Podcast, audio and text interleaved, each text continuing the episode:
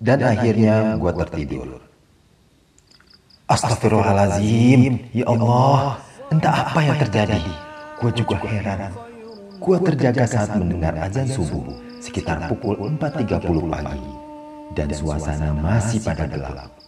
Dan gue lihat sekelilingnya ternyata gue tidur di pinggir jalan.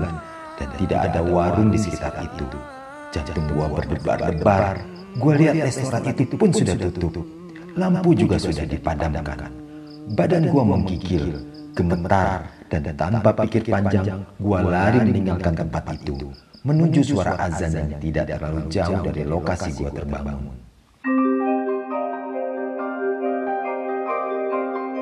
Halo pemirsa, jumpa lagi dalam channel Lakon Hari Ini.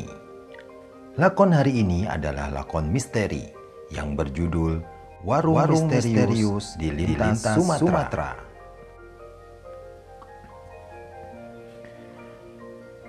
Nama gue Rian. Gue adalah anak perantauan dari Sumatera. Gue udah dua tahun tinggal di Jakarta. Gue gawe di salah satu pusat perbelanjaan di daerah Selipi, Jakarta Barat sebagai supervisor. Saat memasuki masa pandemi corona, pusat perbelanjaan banyak yang tutup. Tidak terkecuali dengan tempat gue bekerja. Gue terpaksa akan dirumahkan sekitar tiga minggu dan gua minta izin sama manajer gua untuk pulang kampung ke Sumatera Selatan. Manajer gua akhirnya setuju. Pada hari yang udah gua rencanakan, gua naik bus dari Rawamangun untuk balik ke kampung di daerah Sumatera Selatan. Singkat cerita, bus mulai berjalan sekitar pukul 7 malam. Dan tidak terasa dua jam kemudian, tibalah gua di penyeberangan Merak Bakahuni. Penyeberangan antar pulau itu hanya memakan waktu kurang lebih satu setengah jam hingga dua jam. Dan tibalah gua di Lampung. Bus melaju lagi, dan tidak terasa gua udah ngantuk berat. Gua lihat jam sudah menunjukkan pukul 11.30 malam. Dan akhirnya gua tertidur. Tiba-tiba bus berhenti di sebuah rumah makan besar dan gua terbangun. Gua lihat Jam sudah menunjukkan pukul 1.30 dini hari. Gua coba bertanya kepada penumpang di kursi sebelah. E, pak, pak, kita sudah sampai mana ya? Tanyaku kepada penumpang lain. Masih di daerah Lampung Tengah. Emang mas mau ke mana? Oh saya mau ke Palembang pak. Kalau bapak? Saya jauh mas. Saya ke Jambi. Ayo kita turun dulu. Kita makan kata si bapak itu. Gue tuh orangnya seneng banget yang namanya dokumentasi. Setiap tempat yang gue hampiri, umumnya selalu ada dokumentasi berupa foto. Sebelum masuk restoran, gue selfie-selfie terlebih dahulu. Hampir setiap sudut restoran gue foto. Tapi ada satu nih, satu patung di depan pintu gerbang restoran yang membuat gue tertarik untuk berselfie ria. Setelah puas berselfie, Akhirnya gue melihat menu makanan yang tersaji di lemari kaca. Sepertinya gue kurang selera melihat menu yang dipajang. Gue coba berjalan keluar restoran dan melihat-lihat apakah ada warung dekat sini. Tidak terlalu jauh gue melihat ada warung nasi di seberang jalan. Gue putuskan untuk ke sana. Ya siapa tahu ada menu yang bikin gue selera. Bu, ada menu apa? Ada ayam goreng, ikan, telur, soto ayam juga ada mas. Udara dingin yang membuat gua jadi lapar dan ingin sekali makan makanan yang panas dan berkuah. Dan akhirnya gua pesan soto ayam. Bu saya pesan soto ayam sama nasi putih dan teh manis anget ya. Baik mas, begitu sahutan si ibu pemilik warung. Sekelebat gue melihat ada wanita berambut panjang sebahu dengan baju kaos berwarna putih sedang asik di dapur. Gua mencoba memberanikan diri untuk menanyakan siapa wanita itu kepada si ibu penjaga warung. Bu, cewek yang di dapur itu siapa? Anak ibu ya? Oh itu, itu Wulan anak saya. Oh ya, situasi di warung itu sebenarnya tidak terlalu sepi. Waktu gua masuk, ada dua orang yang sedang makan. Tapi kedua orang tersebut sudah pergi. Setelah basa-basi dan akhirnya si Wulan keluar dengan membawakan air teh manis hangat pesanan gue. Sambil melahap soto ayam yang enak banget, gue mencoba berkenalan dengan Wulan. Dek, boleh kenalan? Wulan hanya tersenyum dan menyodorkan tangannya sambil menyebut namanya. Saya Wulan mas. Hati gue deg-degan banget. Setelah gue lihat dari dekat, Ulan tuh manis banget orangnya. Ramah pula. Setelah soto ayam ludes gue makan, gue coba menghampiri Wulan yang duduk di samping warung. Dan kebenaran ada kursi panjang yang lebar cocok buat rebahan sebentar. Ya otak playboy gue udah mulai jalan nih kayaknya. Tak terasa perbincangan gue sama Wulan cepat mencair. Dan hawa ngantuk sudah mulai menerjang wajah gue. Gue kepingin rebahan sebentar. Biasanya bus istirahat itu sekitar satu jaman dan gue minta tolong ke Wulan untuk membangunkan gue jika sudah ada panggilan bus akan berangkat. Dan akhirnya gue tertidur. Astagfirullahalazim, ya Allah, entah apa yang terjadi. Gue juga heran. Gue terjaga saat mendengar azan subuh sekitar pukul 4.30 pagi. Dan suasana masih pada gelap. Dan gue lihat sekelilingnya ternyata gue tidur di pinggir jalan dan tidak ada warung di sekitar itu. Jantung gua berdebar-debar. Gua lihat restoran itu pun sudah tutup. Lampu juga sudah dipadamkan. Badan gua menggigil, gemetar, dan tanpa pikir panjang, gua lari meninggalkan tempat itu menuju suara azan yang tidak terlalu jauh dari lokasi gua terbangun. Di depan masjid ada beberapa orang yang hendak sholat subuh dan mereka heran melihat gua lari terbirit-birit ke arah mereka. Dengan suara terbata-bata, gua minta bantuan kepada jamaah masjid tersebut. Mereka meminta gua untuk menenangkan diri dan berwudu serta sholat bersama. Ya singkat cerita, akhirnya gua menceritakan apa yang gua alami barusan. Salah satu jamaah masjid, sebut saja Pak Joko. Ia menceritakan bahwa benar Dulu sekitar satu tahun yang lalu ada warung di tepi jalan itu. Dan pemiliknya adalah Pak Darto yang kerja di perkebunan kelapa sawit. Ibu dan anak perempuannya berdagang di sana. Dan biasanya jam 9 malam sudah tutup. Dan pulang ke rumahnya di desa seberang satu kilo dari sini. Namun nasib naas menimpa ibu dan anaknya. Suatu malam mereka mau tutup dan tiba-tiba bus luar kota menghantam warung mereka, dan Wulan mati seketika. Kepalanya hancur tertabrak dan badannya tergilas roda bus. Gua terdiam mendengar cerita Pak Joko itu. Badan gua gemetar, sekaligus iba dengan apa yang terjadi terhadap mereka. Lalu si ibu warung itu gimana pak? Mati juga? Tanya gua kepada Pak Joko. Oh tidak, si ibu itu selamat. Kebenaran ia ada di dapur dan lolos dari kecelakaan yang tragis itu. Namun ia depresi dan menjadi setengah gila melihat anak semata wayangnya mati dalam keadaan seperti itu. Dan menurut informasi Pak Darto, si ibu akhirnya dibawa ke rumah sakit jiwa untuk memulihkan kondisi mentalnya. Semenjak kejadian itu, banyak kecelakaan yang terjadi di sekitar wilayah ini dengan cerita yang aneh-aneh, ujar Pak Joko. Aneh gimana Pak? Ya aneh, seperti melihat gadis nyebrang lah, atau melihat gadis menangis di tepi jalan lah. Ya pokoknya macam-macam. Begitu kata Pak Joko. Tak terasa akhirnya sinar matahari sudah menampakkan dirinya.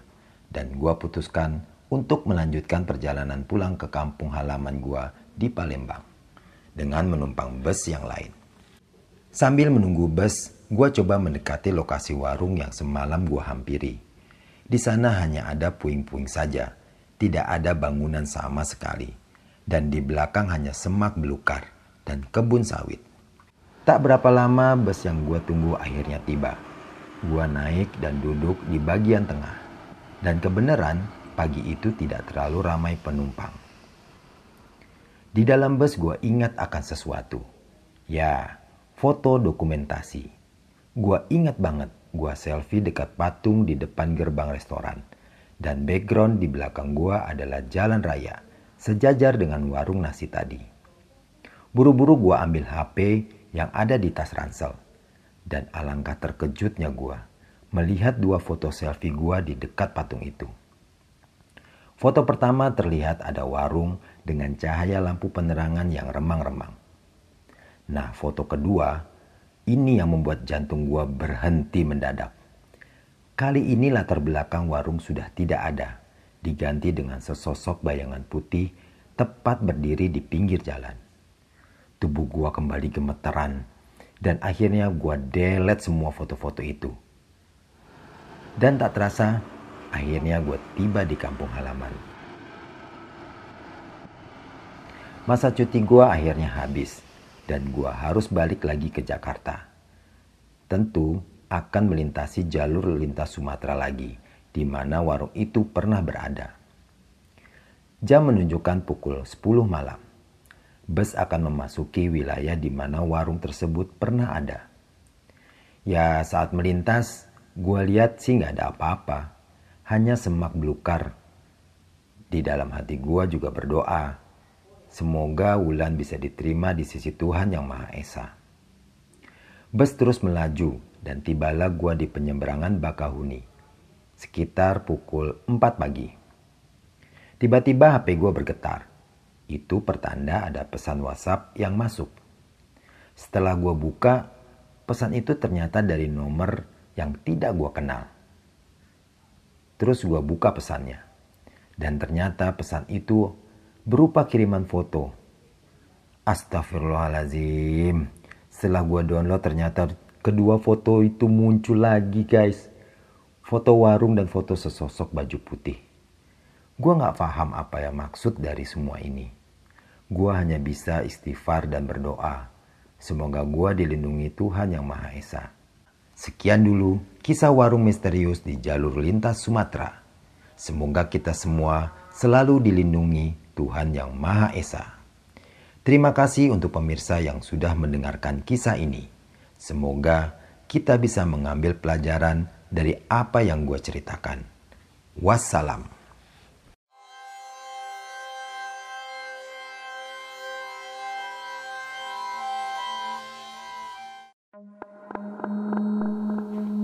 Malam sudah terasa dingin, angin semilir menerpa sudut-sudut kota tidak ada lagi toko yang buka, sedangkan orang lalu lalang juga sudah berangsur lenyap di telan malam. Malam itu, seorang gadis cantik berjalan sendirian dari sudut gang menuju jalan raya. Sebut saja namanya Vina. Vina adalah seorang karyawati di sebuah perusahaan swasta di mana ia baru saja kerja lembur hingga dini hari. Sudah tidak tampak kendaraan umum yang lewat, hanya beberapa kendaraan pribadi dan taksi yang masih tampak.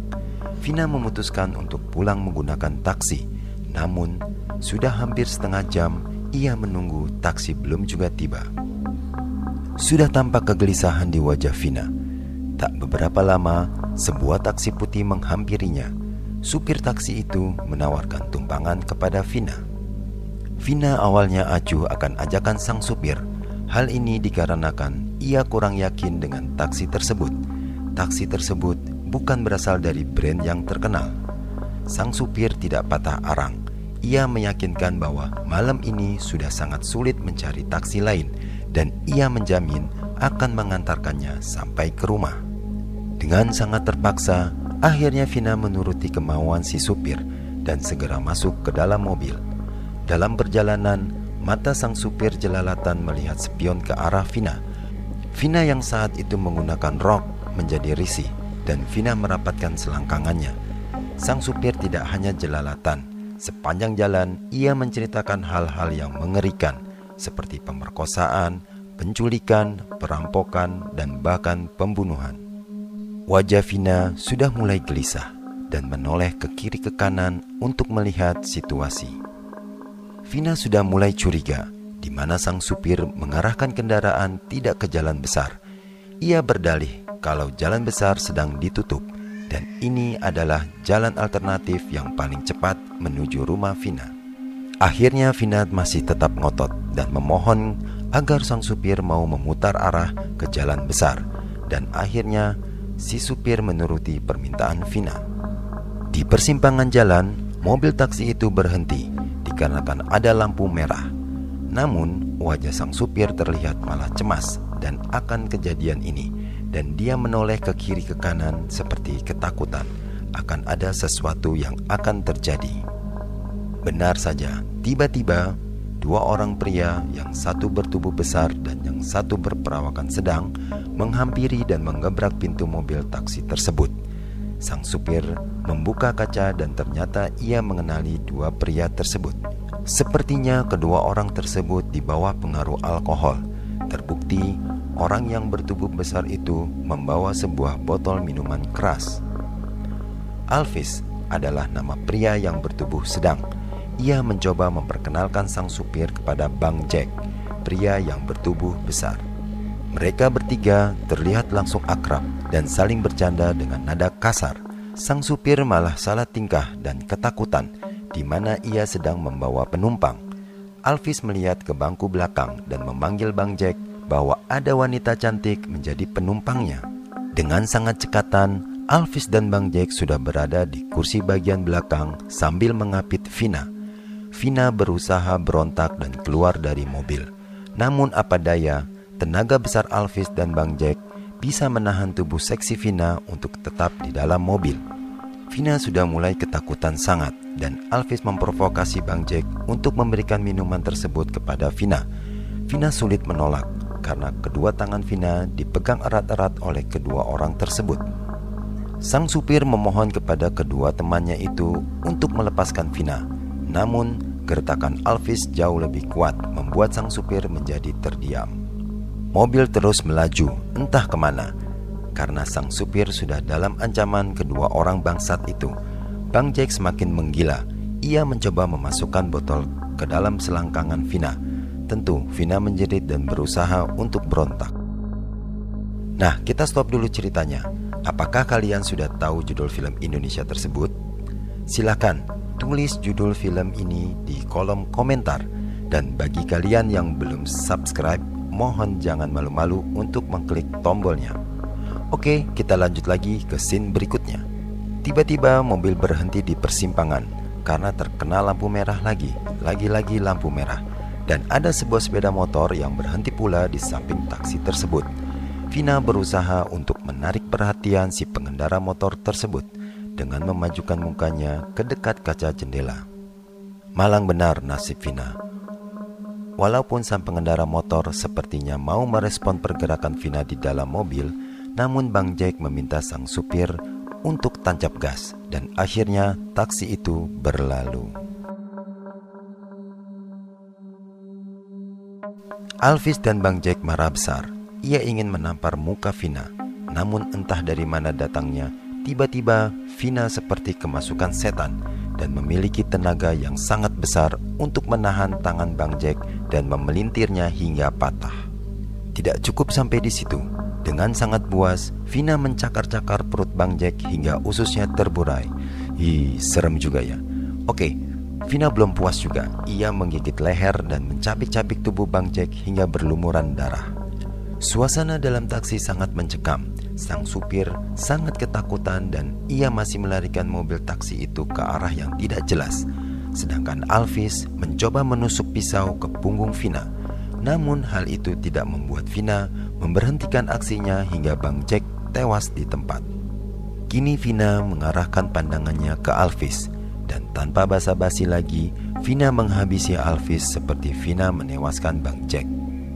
Beberapa saat setelah si bangsat-bangsat itu mati, Vina mulai tersadarkan kembali, seperti sebelum kejadian ini, dan ia meminta sang supir untuk memberhentikan mobil sekarang juga. Sang supir terlihat sangat ketakutan. Ia merasa akan dibunuh juga oleh Vina. Namun, dugaan itu salah Vina malah memberikan uang sebagai tanda jasa telah mengantarkan Vina sampai di rumah dan Vina langsung keluar dari mobil tersebut. Sang supir menoleh ke kursi belakang melihat kondisi kedua temannya itu dan akhirnya sang supir stres berat lalu menjerit histeris, dan film pun selesai.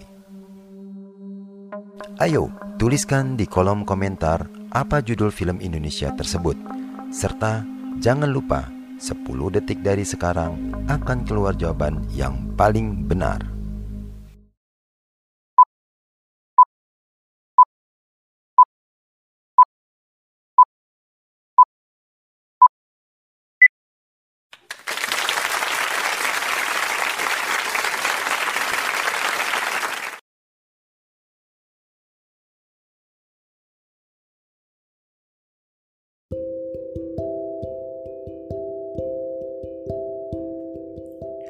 Ya, halo guys, jumpa lagi bersama SOM Sound of Me. Uh, kali ini saya coba uh, cerita kisah lama saya, tepatnya itu waktu saya berusia hmm, berapa ya? Sekitar 8 tahun lah ya, sekitar 8 tahun untuk kelas kelas 2-an lah ya, kelas 2 SD dan ini terjadi sekitar tahun 1983 3 atau 84 nah, kelihatan tuanya kan? Oke jadi ceritanya begini. Waktu itu saya tinggal bersama orang tua bersama satu kakak dan ada satu adik ayah ya adik bapak itu om berarti jatuhnya om. Nah kita tinggal itu di satu tempat di daerah Jakarta Selatan di daerah Jakarta Selatan itu tepatnya di daerah ya kalau sekarang itu sebutannya Haji Ipin lah ya. Nah Haji Ipin ini dulu nggak mungkin nggak seperti sekarang ya di tahun 2019 ini udah kredit banyak orang udah padat. Tapi dulu tuh asri sekali dan ada satu sungai yang saya sering mandi dulu di situ. Airnya bersih dulu dan makan sungai itu juga e, bis, pernah pernah dijadikan salah satu syuting film. Kisahnya bermula dari sini. Rumah kami itu ada di apa tiga tempat ya maksudnya gini ada tiga rumah yang berjarak kurang lebih jadi nggak dempet-dempetan ya berjarak sekitar ada setiap rumah itu sekitar 2 meter 3 meter lah 3 meter terus ada rumah ada rumah lagi jarak 3 meter ada rumah lagi. Jadi ada tiga rumah. Tiga rumah posisi kita tuh ada di sebelah kanan. Ya sebelah kanan ya taruh paling pojok kanan. Nah ada rumah sebelah pojok kiri dan ada saling di tengah-tengah. Dan setiap rumah tuh ada apa celah ya untuk orang jalan gitu. Ya tadi sekitar 3 meter 2 meter 3 meter lah. Seperti nama layaknya anak-anak sore hari kita main tuh. Nah tapi ini mainnya itu udah, udah apa ya sudah mendekati maghrib lah ya mendekati maghrib sekitar jam 6 mungkin ya. Saya lupa kejadian itu sekitar jam 6 kita masih bermain sekitar 4-5 orang waktu itu. Saya juga teman-teman saya juga udah lupa siapa aja namanya. Tapi intinya kita bermain di situ. Apa yang kita mainkan itu main tak umpat emang sih waktu itu sudah saya udah diperingatkan sama om saya eh udah mau maghrib pulang gitu tapi ya saya namanya anak-anak kan lagi seru ya kita acukan aja gitu. Memang benar setelah memasuki maghrib itu agak sudah mulai gelap ya udah mulai gelap tapi masih bisa terlihat gitu. Kita masih tetap bermain tak umpat gitu. Silih berganti sembari tertawa segala macam dicari gitu kan kita ngumpet dicari ketemu terus hong gitu kan. Terus akhirnya yang kalah uh, menjaga yang lain ngumpet gitu. Nah itu sampai setengah tujuh. Nah setengah tujuh ini udah gelap. Nah sudah gelap. Jadi seingat saya waktu itu saya ngumpet di rumah tengah-tengah itu tuh. Kan tadi ada tiga ya. Saya di tengah-tengah. Saya biasanya ngumpet di belakang rumah itu. Kemudian rumah itu udah kosong sih. Udah kosong. Abang penghuninya kalau nggak salah udah pindah deh. Nah oh, udah kosong saya ngumpet di situ. Kalau teman saya jaga nih dia muter-muter nyari tuh. Saya intip-intip saya intai-intai gitu kan. Nah setelah dia lengah saya lari. Duh duh duh duh duh gol menang gitu. Saya uh, apa nggak kena uh, kesalahan gitu. Suatu ketika teman saya ini tahu gitu. Saya sering ngumpet di belakang rumah di tengah-tengah itu. Jadi dia udah udah standby nih untuk kalau saya keluar dari rumah itu pasti saya langsung di apa ya ditepak gitulah dikenain gitu. Jadi akhirnya saya kalah. Dan saya harus jaga. Jadi karena kita saling mengintai otomatis lama saya nunggu di belakang rumah itu. Nah kejadiannya tuh gini. Pas saya lagi nunggu aduh lama banget nih. Lama banget nih dia nggak meleng-meleng gitu kan. Kok ada suara gitu? Suara itu agak pelan pertama. Nah seperti itulah. Hahaha gitu. Aduh bulu saya udah jadi berdiri nih. Disingat masa lalu. Hahaha gitu. Saya lihat ke belakang. Nggak ada apa-apa. Memang di belakang itu ini apa hmm, kayak kebun ya kayak kebun gitu. Tapi nggak nggak nggak apa nggak kayak semak belukar nggak. Kebun biasa aja gitu. Nah saya makin deg-degan tuh. Saya mau lari tapi teman saya nunggu gitu kan. Ah saya tunggu aja dulu. Terus suara itu sempat hilang beberapa saat. Eh muncul lagi gitu. Hahaha gitu. Dan ini makin keras suaranya. Jadi di kuping saya tuh aduh saya nengok lagi ke belakang nggak ada. Nggak ada apa-apa gitu. Ya gelap begitu aja gitu. Ya samar-samar sih masih kelihatan pohon-pohon segala macam masih kelihatan tapi nggak ada apa-apa saya udah mulai merinding tuh antara mau lari sama bertahan gitu. Nah suatu ketika suara tuh makin keras sekali ke kuping saya. Wah. Langsung kan saya nggak ada cerita satu dua tiga lah langsung saya lari. Langsung saya teman saya tuh nah kena kamu ya eh, kena jaga lo gitu. Saya nggak peduli lah udahlah saya langsung pulang langsung saya kena apa uh, saya minta berhenti udah saya keluar. Terus tangan saya tuh bener-bener gemeter sekali gemeter segemeter gemeternya nah saya lihat di situ di ruang tamu om saya lagi nonton. Saya duduk gitu langsung dengan dengan apa ya muka pucat pasi gitu tangan gemeter tanya sama om saya kenapa kamu? Udah pulang katanya saya nggak jawab bisa diem aja. Kenapa kok gemetar kenapa? Dingin saya bilang dingin aja gitu. Ya udah sono minum dia bilang gitu. Nah singkat cerita kejadian seperti itu. Setelah saya dewasa nggak dewasa banget sih. Maksudnya setelah kejadian itu saya benar-benar ketakutan sama sekali. Tidur nggak nyenyak segala macam. Pokok takutan saya biasa tidur sama om saya atau saya tidur sama orang tua saya dengan berbagai macam alasan. Nah kira-kira setahun kemudian gitu saya baru tahu cerita. Namanya kita udah mungkin sekarang udah kelas 3 menjelang 4 lah 4, 4 tahun lah kelas 4 gitu ya SD bahwa dulu tuh rumah itu yang di tengah-tengah saya ngumpet tadi tuh ini apa pernah ada uh, yang bunuh diri di belakang. Gantung diri sih tepatnya jadi bunuh diri dengan cara menggantungkan diri gitu. Eh, laki-laki kejadiannya sih udah setahun dua tahun sebelumnya gitu. Jadi dan itu saya juga nggak tahu. Namanya itu dulu kan masih kecil ya. Mungkin saya dulu belum sekolah mungkin kejadian itu. Jadi saya nggak ngerti ya. Tahunya cuma hanya ada orang meninggal gitu. Tapi nggak tahu kenapa. Nah mungkin arwah itulah yang yang yang mengganggu ya saya waktu kecil tadi. Nah semenjak kejadian itu saya agak sensitif memang untuk urusan urusan kayak tapi nggak ngelihat sih nggak ngelihat apa apa gitu. Cuma kadang suka eh apa ini merinding gitu. Tapi oh uh, ada gitu. Oh nggak ada gitu. Tapi saya nggak pernah lihat itu ada apa enggak nggak ada. Cuma perasaan saya aja gitu.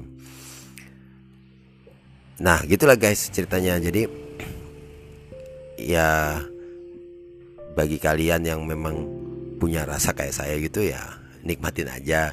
Banyakin aja doa apa segala macam supaya nggak ini nggak ketakutan yang menjadi-jadi. Sampai sekarang sih saya biasa aja sih gitu Oke, uh, sekian dulu. Mungkin nanti ada cerita-cerita horor lain yang bisa saya sampaikan.